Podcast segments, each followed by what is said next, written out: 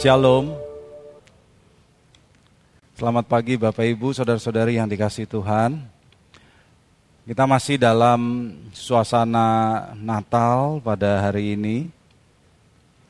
Dan kita masih memperingati kelahiran Tuhan kita, Yesus Kristus. Tentu Bapak Ibu tahu bahwa kelahiran Tuhan Yesus, kedatangannya yang pertama ke dunia ini menggenapi banyak nubuat perjanjian lama. Jadi kalau kita baca di perjanjian lama, banyak nubuat yang memang menunjuk kepada Tuhan Yesus. Tetapi mari hari ini kita merenungkan bersama bahwa kelahiran Yesus adalah bukti janji kekal Bapa. Bukti janji kekal Bapa. Seperti yang tadi dinyanyikan dalam persembahan pujian tim Praise and Worship GSKI Peluit. Kelahiran Tuhan Yesus itu adalah bukti janji kekal Allah. Nah, ini disebut janji kekal. Bukan karena janji itu disampaikan di Taman Eden. Pada saat manusia pertama diciptakan. Ternyata jauh sebelum itu Bapak Ibu. Ya, mari kita buka Alkitab kita dari Titus 1 ayat 2. Titus 1 ayat 2 dan berdasarkan pengharapan akan hidup yang kekal yang sebelum permulaan zaman sudah dijanjikan oleh Allah yang tidak berdusta. Bapak Ibu saudara-saudariku yang terkasih dalam Tuhan. Di sini Rasul Paulus menulis kepada Titus bahwa Allah sudah menjanjikan hidup yang kekal sebelum permulaan zaman. Kalau dalam bahasa Yunaninya prochronon eonion. Prochronon eonion. Artinya sebelum waktu-waktu yang kekal. Artinya apa? Sebelum zaman mana pun. Sebelum waktu bermula. Kok bisa sebelum waktu bermula? Ya, karena waktu itu ciptaan Allah, Bapak Ibu. Waktu itu ada awalnya. Waktu itu ciptaan Allah. Dan Allah ada sebelum waktu ada. Nah, ini mungkin kedengarannya agak membingungkan gitu ya. Bukankah kalau kita berkata sebelum itu menunjukkan sesuatu yang terjadi secara kronologis? Sesuatu ter kejadian terjadi sebelum kejadian lain.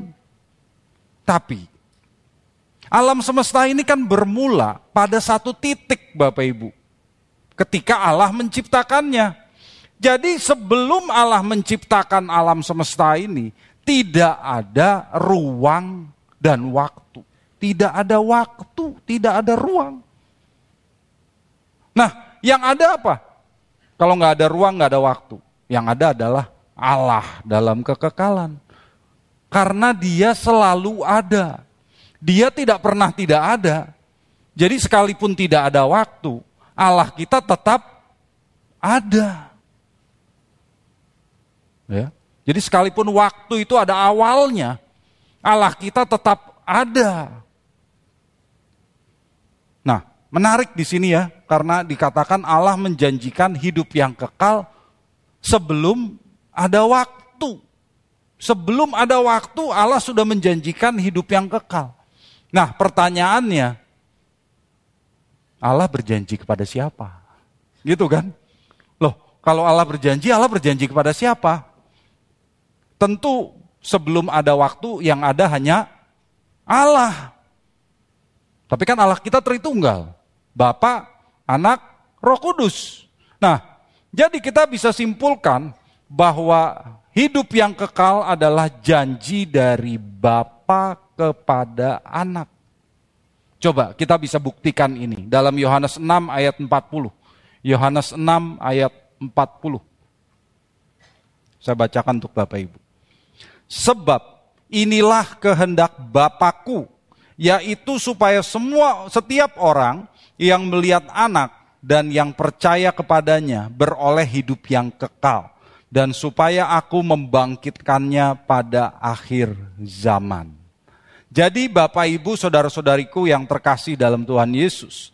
Sebelum pencipta, pen, penciptaan, Allah itu memang sudah berjanji, sudah merencanakan untuk membentuk suatu dunia yang dihuni oleh makhluk-makhluk dalam shalom. Apa tuh shalom? Damai, sejahtera. Damai sejahtera. Dan makhluk-makhluk itu direncanakan untuk hidup kekal. Itu rencana Allah.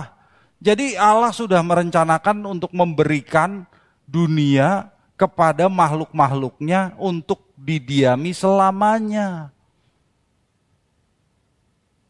Dan Allah pun menciptakan makhluk-makhluk itu yang disebut manusia. Allah merencanakan manusia untuk mengelola bumi ini dengan baik. Tapi kita tahu apa yang terjadi kemudian. Manusia-manusia yang diciptakannya itu ternyata segera memberontak terhadap Allah. Atas bujukan siapa? Si ular. Ya. Atas bujukan ular, Adam dan Hawa melawan perintah Allah dan kemudian menggantikan Allah yang bertahta dalam diri mereka dengan diri mereka sendiri. Jadi mereka bertahta dalam hatinya, menggantikan Tuhan. Dan atas pemberontakan itu, hidup kekal yang diberikan oleh Tuhan digantikan dengan maut, yaitu kutuk kematian kekal. Itu karena pemberontakan manusia. Tapi Bapak Ibu, kita tahu seperti yang tertulis di dalam Alkitab bahwa Allah tidak pernah berdusta. Jadi kalau Bapak Ibu tahu Allah kita bisa melakukan segalanya, amin. Tapi Allah tidak bisa melakukan yang satu ini. Allah tidak bisa bohong. Allah tidak bisa berdusta. Ya, janji hidup kekal dari Allah tidak bisa batal karena dia sudah berjanji. Kalau batal berarti dia berdusta.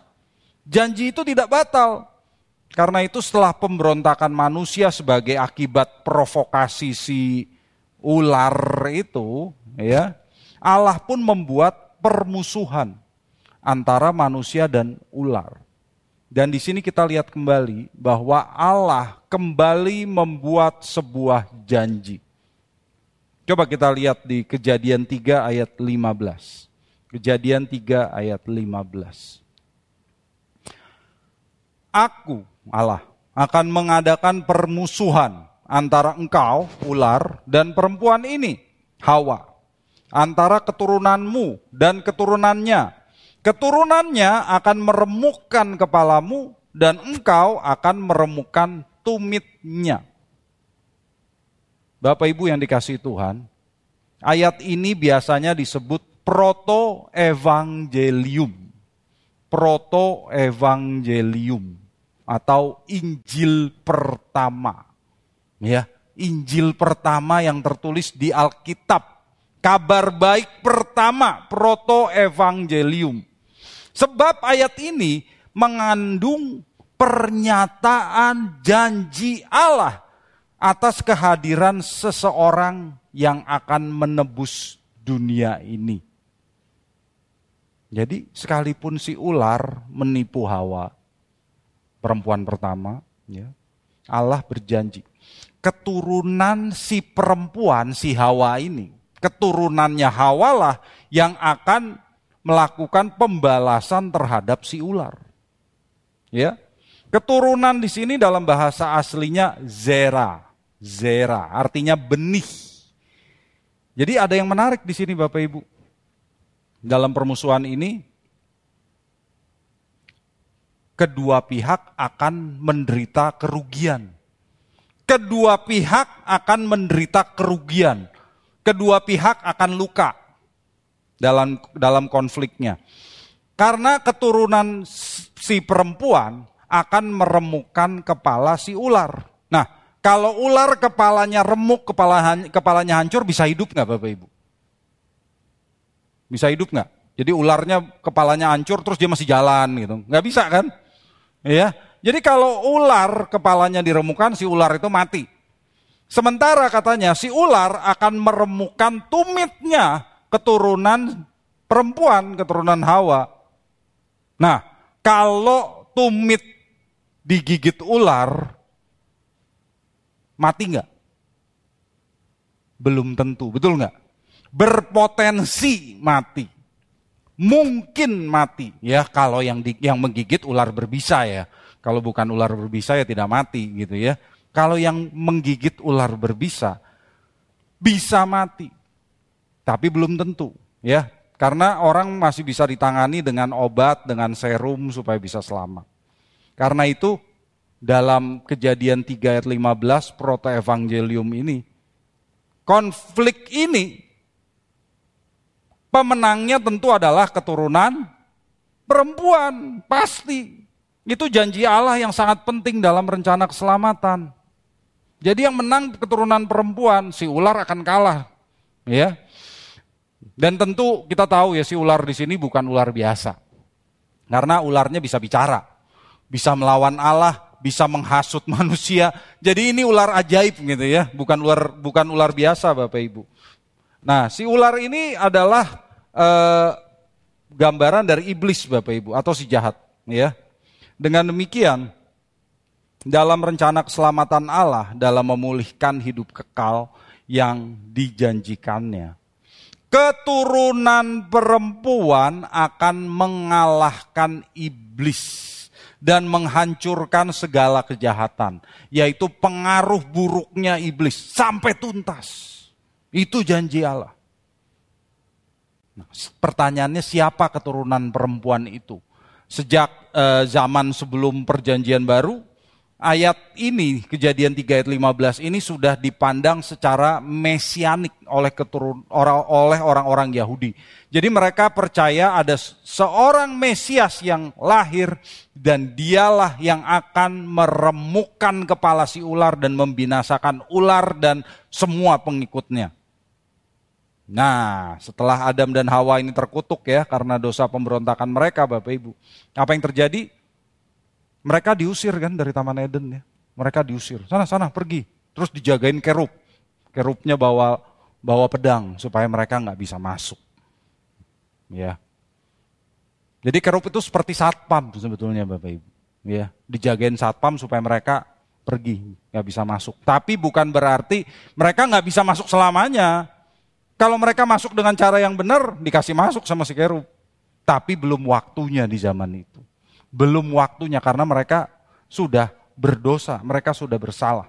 Nah, eh, si Adam dan Hawa diusir dan terkutuk, tapi ada satu hal yang kita perlu ketahui. Adam dan Hawa pergi dari Taman Eden dengan membawa pengharapan karena proto evangelium ini. Karena janji Allah ini. Jadi Adam dan Hawa itu keluar dengan pengharapan bahwa keturunannya Hawa akan mengalahkan si ular. Jadi mereka itu bukan keluar dengan tanpa harapan gitu ya, nggak bisa apa-apa gitu. Enggak, mereka punya harapan. Tuhan sudah berjanji keturunan perempuan akan menang dan suatu hari keturunan itu akan dijanjikan, ya akan akan lahir. Keturunan yang dijanjikan itu akan memulihkan janji kekal Bapa, Bapak Ibu, tentang hidup yang kekal. Mengalahkan iblis dan kejahatan. Sehingga memperdamaikan Allah dan manusia. Supaya manusia kembali bersekutu dengan Allah. Seperti sebelum jatuh ke dalam dosa. Inilah yang namanya keselamatan. Keturunan perempuan akan membawa pemulihan rencana Allah semula. Itulah yang namanya keselamatan. Bapak Ibu saudara-saudari yang dikasih Tuhan, Adam dan Hawa yang mengharapkan kelahiran keturunan yang dijanjikan itu mati tanpa sempat melihat keturunan itu lahir. Tapi janji itu diteruskan kepada anaknya Adam. Anaknya Adam siapa? Set. Ya, Set. Set mati juga tanpa pernah mendapatkan keturunan yang dijanjikan itu. Tapi di garis keturunannya kemudian lahirlah Nuh. Nuh juga mati tanpa melihat keturunan yang dijanjikan itu. Kemudian dari garis keturunan Nuh lahirlah Abraham. Dan Allah kembali berjanji kepada Abraham. Coba kita lihat Kejadian 22 ayat 17 dan 18. Kejadian 22 ayat 17 dan 18. Maka aku akan memberkati engkau berlimpah-limpah dan membuat keturunanmu sangat banyak seperti bintang di langit dan seperti pasir di tepi laut dan keturunanmu itu akan menduduki kota-kota musuhnya oleh keturunanmu lah semua bangsa di bumi akan mendapat berkat karena engkau mendengarkan firmanku. Bapak Ibu, saudara-saudariku yang dikasihi Tuhan. Di sini kita melihat ya bahwa Allah juga berjanji kepada Abraham terkait keturunan seperti yang dijanjikannya kepada Hawa. Nah, itulah tema yang terus dibawa dalam kitab kejadian.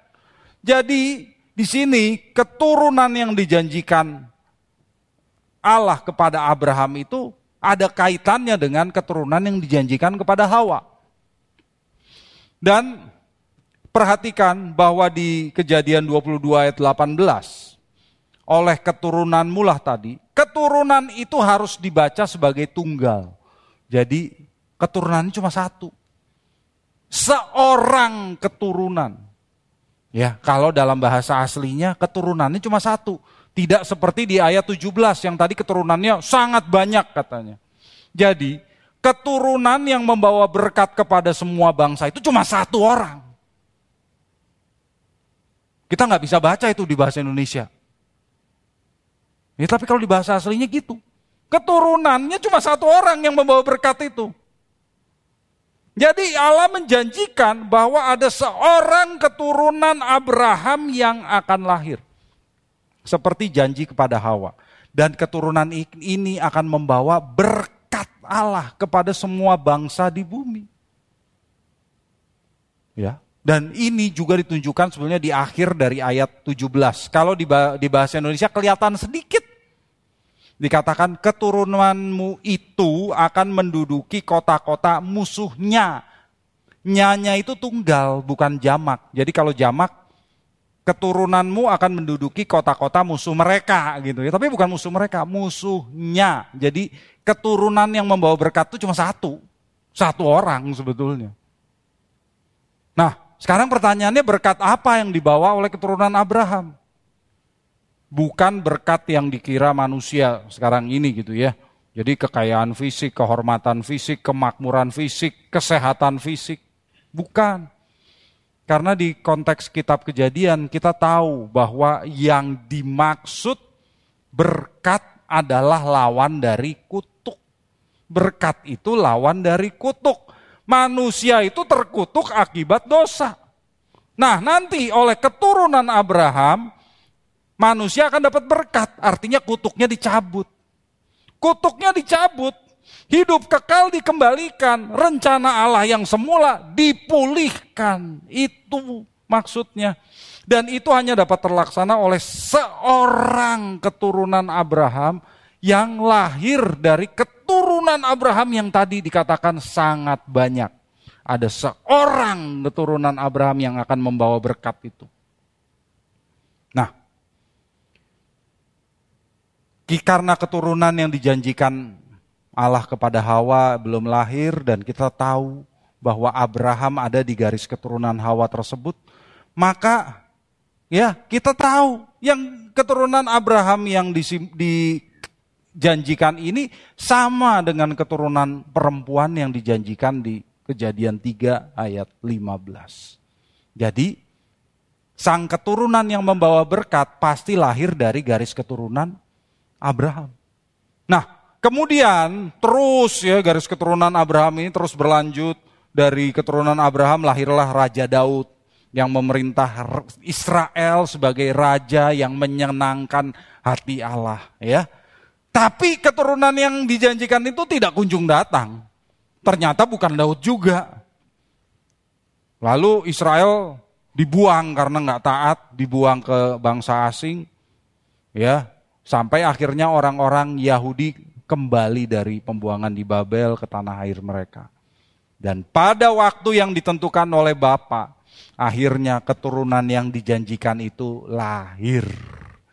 Dia telah lahir bagi kita. Ya, di hari Natal. Yesus dilahirkan oleh Maria di Bethlehem. Kemudian malaikat memberitakan kabar sukacita kepada gembala-gembala yang ada di padang. Gembalanya ngapain? Sedang menjaga domba, menjaga domba di padang. Coba kita lihat Lukas 2 ayat 11. Lukas 2 ayat 11. Hari ini telah lahir bagimu juru selamat, yaitu Kristus Tuhan di kota Daud. Bapak Ibu, saudara-saudariku yang dikasih Tuhan. Bapak Ibu nggak perlu heran ya, mengapa ada gembala-gembala yang menjaga domba di padang pada malam hari. Bethlehem itu dari dulu, dari zaman perjanjian lama, dari zaman Raja Daud, Bethlehem itu tempat penggembalaan domba. Dulu Daud juga menggembalakan domba ayahnya di Bethlehem. Ya. Dan juga jangan heran kalau gembala-gembala itu ada di padang di musim dingin. Bulan Desember Kok ada gembala di Padang? Nah ini juga jangan heran. Kan banyak orang yang mengatakan nggak mungkin dong. Dingin, mana mungkin ada gembala di Padang di bulan Desember. Jadi Yesus pasti nggak lahir bulan Desember. Eh tunggu dulu. Perintah Allah dalam hukum Taurat mengharuskan pengorbanan domba di bait Allah itu tiap hari. Tidak tergantung itu musim panas atau musim dingin. Masa bodoh, harus ada pengorbanan domba. Itu hukum Taurat. Dan bait Allah ada nggak di zaman itu? Di zaman Yesus bait Allah ada nggak? Ada. Kalau bait Allah ada, berarti domba harus dikorbankan setiap hari. Satu di pagi hari, satu di sore hari. Desember, biarin amat. Allah tetap minta domba dikorbankan di bulan Desember. Coba kita lihat hukum Tauratnya. Keluaran 29 ayat 38 dan 39. Keluaran 29 ayat 38 dan 39. Inilah yang harus kau olah di atas mesbah itu. Dua anak domba berumur setahun tetap tiap-tiap hari. Tetap ya, tetap. Domba yang satu haruslah kau olah pada waktu pagi dan domba yang lain kau olah pada waktu senja. Jadi Bapak Ibu yang dikasih Tuhan, domba harus dikorbankan pada waktu pagi dan pada waktu senja di bait Allah. Bethlehem itu dekat Bapak Ibu dari Yerusalem, ya. Jadi eh, seperti Jakarta dan Bekasi. Bethlehem itu dekat sekali dari Yerusalem. Dan karena di Yerusalem itu tidak ada tempat penggembalaan, tanah penggembalaan di Bethlehem itu adalah tempat memelihara domba-domba yang akan dikorbankan di bait Allah di Yerusalem. Di Yerusalem tuh nggak ada tanah penggembalaan, yang ada itu di Bethlehem. Jadi domba-domba yang mau dikorbankan di bait Allah setiap hari itu digembalakan di Bethlehem setiap hari termasuk bulan Desember. Ya, Allah tidak toleransi kalau bulan Desember musim dingin nggak perlu ada pengorbanan di bait Allah. Ya enggak lah, setiap hari harus ada. Jadi, apakah masuk akal bagi Yesus untuk lahir di bulan Desember, Bapak Ibu? Masuk akal sekali.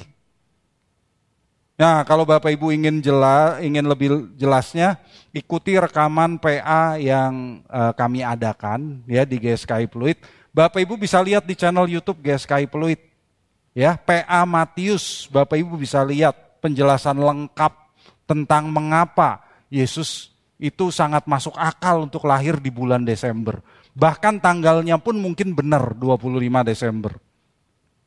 25 Desember kemungkinan antara tahun 6 sampai 4 sebelum Masehi. Ya, dan kalau yang menarik 25 Desember 5 sebelum Masehi itu bertepatan dengan hari raya Hanukkah.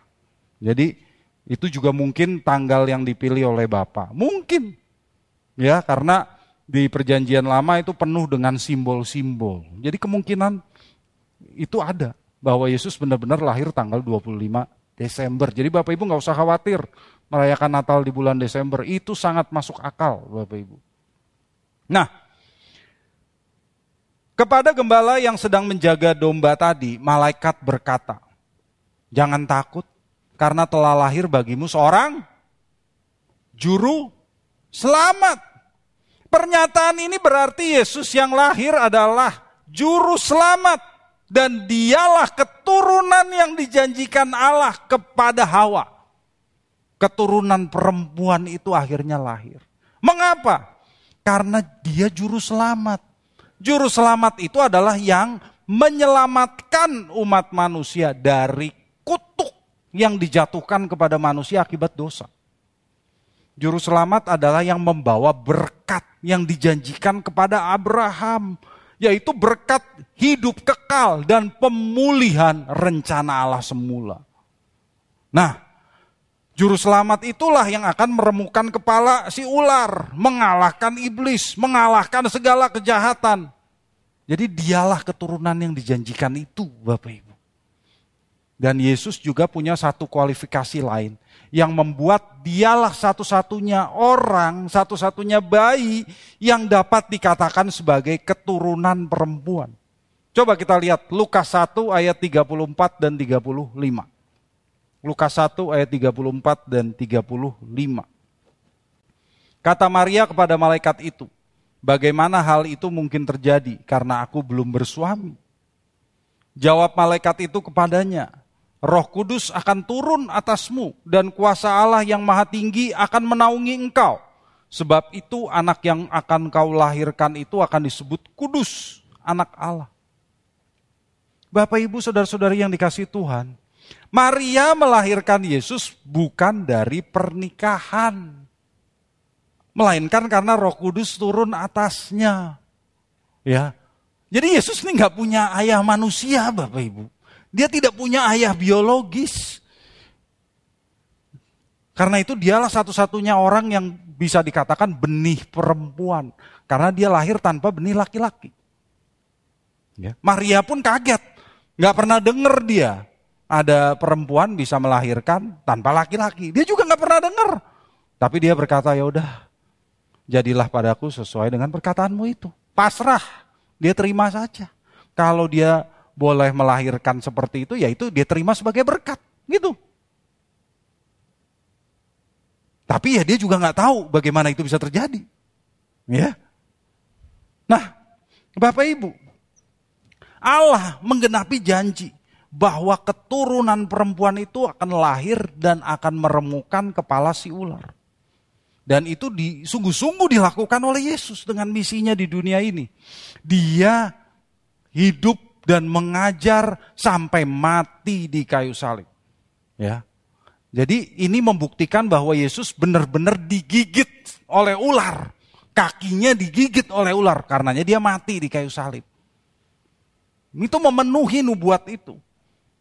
Dia mati di kayu salib tapi dengan kematiannya si ular bukannya menang. Si ular malah remuk kepalanya, mati si ular ya. Sehingga iblis dosa dan maut tidak berkuasa lagi.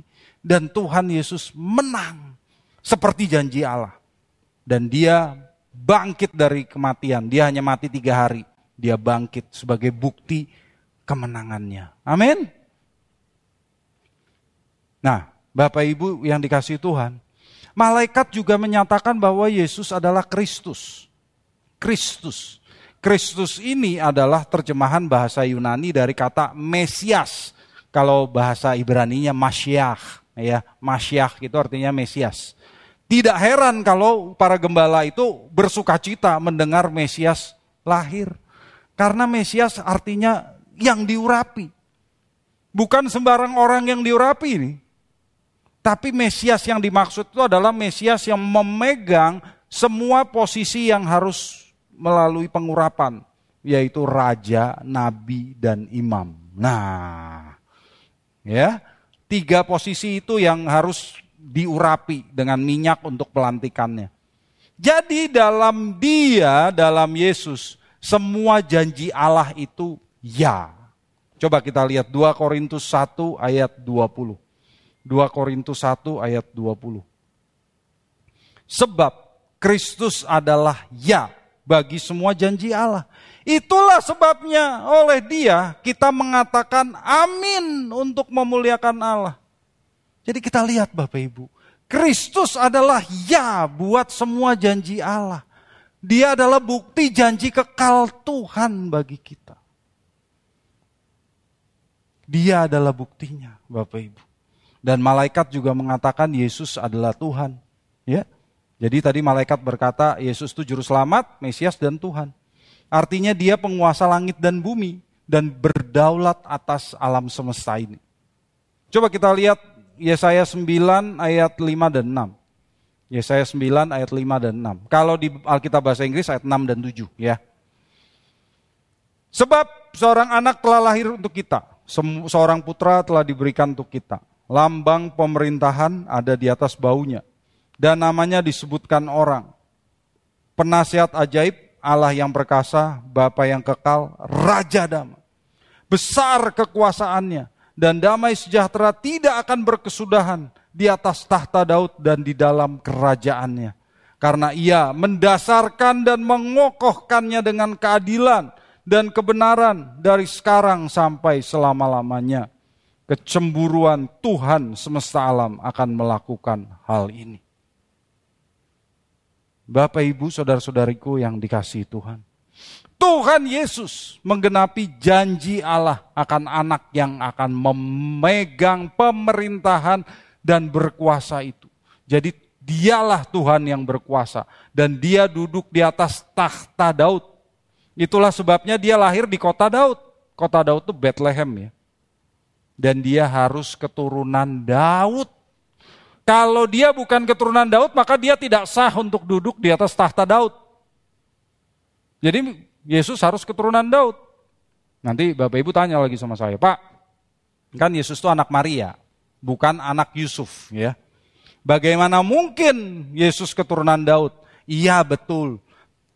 Yesus itu bukan anak biologisnya Yusuf.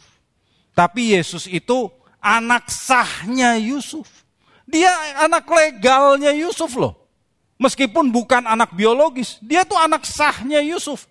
Jadi dia tetap keturunan Daud secara hukum. Karena Yusuf itu keturunan Daud. Jadi kalau Yesus itu anaknya Yusuf, meskipun bukan anak biologis, dia tetap keturunan Daud Bapak Ibu. Di zaman itu, anak angkat itu punya hak yang sama dengan anak kandung. Ya, Nggak ada bedanya kalau dia anak yang diangkat secara legal, sama haknya dengan anak kandung. Bahkan dalam kekaisaran Roma pun, suksesi dalam dinasti itu pakai anak angkat bukan anak kandung. Ya, contohnya Bapak Ibu. Kaisar Agustus, Kaisar Roma yang pertama, itu anak angkatnya Julius Caesar, bukan anak kandung, anak angkat. Kemudian penerusnya Kaisar Agustus namanya Tiberius. Itu anak angkatnya Agustus, bukan anak kandung. Jadi sah. Tetap dinasti namanya dinasti Julio Claudian itu ya, dinasti kekaisaran Roma yang pertama itu sah. Jadi sekalipun Yesus bukan anak kandungnya Yusuf, Yesus anak yang sah dari Yusuf.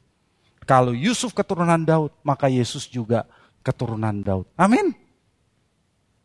Maka kita lihat Bapak Ibu, betapa Allah telah menggenapi janji-janjinya dalam kelahiran Yesus. Ini membuktikan bahwa janji Allah akan hidup yang kekal itu bukan kebohongan. Sekalipun manusia sudah jatuh ke dalam dosa, sekalipun kita lihat kejahatan di sana sini, sekalipun kita lihat diskriminasi, ketidakadilan di sana sini, ingat Iblis dan kejahatan sudah diremukkan, sudah dikalahkan oleh Tuhan Yesus. Dan kemenangan yang sama dapat kita alami kalau kita percaya kepadanya. Amin. Tepuk tangan untuk kebenaran ini. Bapak Ibu yang dikasih Tuhan. Manusia tidak diciptakan untuk dibinasakan dalam neraka. Allah ingin kita kembali kepada rancangan yang semula Allah ingin kita kembali hidup dalam shalom bersama dengannya. Artinya shalom itu apa? Keadaan di mana manusia dan Allah dan segala ciptaan itu hidup dalam damai sejahtera. Itu rancangan Allah semula. Itu keadaan yang sungguh penuh sukacita Bapak Ibu. Kita hidup sebagai manusia yang kembali mengenal Allah, mencintai Allah, menaati Allah, bekerja untuk Allah dalam hidup yang harmonis dengannya. Dan keselamatan itu tersedia bagi semua yang mau percaya kepadanya. Nah, kalau Allah sudah menepati janjinya terus seperti ini, dia juga berjanji akan datang kembali sebagai raja, Bapak Ibu. Dia akan datang kembali dan dia akan memerintah selamanya dalam kerajaan kekalnya. Kita yang mau percaya kepadanya akan ikut memerintah bersama dengannya. Jadi kalau Allah sudah memenuhi janjinya dalam diri Tuhan Yesus Kristus, maka dia juga pasti akan menepati janjinya akan kedatangannya yang kedua. Amin. Maka Bapak Ibu, mari kita bersyukur atas kedatangan Tuhan Yesus yang pertama itu membuktikan janji kekal Bapa kepada kita. Janjinya tentang hidup yang kekal. Kita harus sadar Bapak Ibu, tanpa kedatangannya kita ini manusia yang bobrok, rusak, terbuang, terpisah dari Allah. Hanya dengan kedatangannya loh kita bisa diselamatkan Bapak Ibu. Kalau Tuhan Yesus nggak pernah lahir, kita juga nggak ada yang selamat Bapak Ibu kehidupan yang bersyukur, itulah yang sekarang harus kita berikan kepadanya. Sebagai tanda syukur kita kepadanya. Dan kehidupan yang bersyukur itu dibuktikan dengan menyerahkan seluruh hidup kita kepadanya. Jadi Bapak Ibu, bertobatlah setiap hari. Jangan jemu-jemu mendengar firman. Ayo, rajinlah ikut ibadah. Rajin baca firman Tuhan. Rajin belajar hidup sesuai dengan apa yang diperintahkannya terus-menerus setiap hari sampai dia datang. Mau Bapak Ibu? Nantikan kedatangan Tuhan Yesus yang kedua dengan terus berjuang hidup dalam kekudusan dan kebenaran Allah. Lakukan itu, bangun hubungan yang harmonis dengan Allah dan sesama. Ya, karena hubungan yang harmonis dengan Allah dibuktikan dengan hubungan yang harmonis dengan sesama. Tidak mungkin orang punya hubungan yang baik dengan Allah kalau dia selalu bermusuhan dengan sesama, selalu ribut dengan sesama. Nggak mungkin. Nggak mungkin orang mengatakan aku mengasihi Allah, tapi dia membenci sesamanya yang kelihatan. Tidak mungkin Bapak Ibu. Maka, hiduplah dalam kekudusan dan kebenaran Allah. Supaya kita punya kepastian bahwa kita sungguh-sungguh adalah umatnya yang sudah diselamatkan oleh dia, sang benih perempuan itu. Dan pada saat semua orang dihadapkan ke kehadapan tahta pengadilan Kristus, kita pun akan tahan berdiri di hadapannya. Ya, dan dia pun akan menyambut kita untuk masuk ke dalam kerajaannya yang kekal di langit baru dan bumi baru. Amin.